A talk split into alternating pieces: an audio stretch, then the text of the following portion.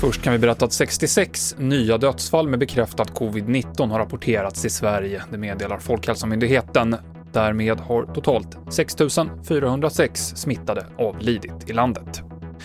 Från och med ikväll så gäller de nya regler som innebär att krogar måste sluta sälja alkohol efter klockan 22 och stänga senast en halvtimme efteråt.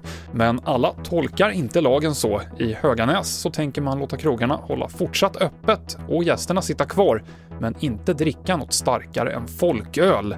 Region Gotland skriver på sin hemsida att barer får ha öppet till 1 och servera folköl, men att de måste hålla stängt en timme mellan 22.30 och 23.30 innan de får öppna på nytt.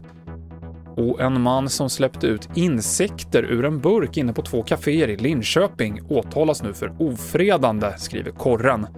När en anställd på ett av kaféerna försökte städa upp så tog mannen upp sin mobil och fotade henne.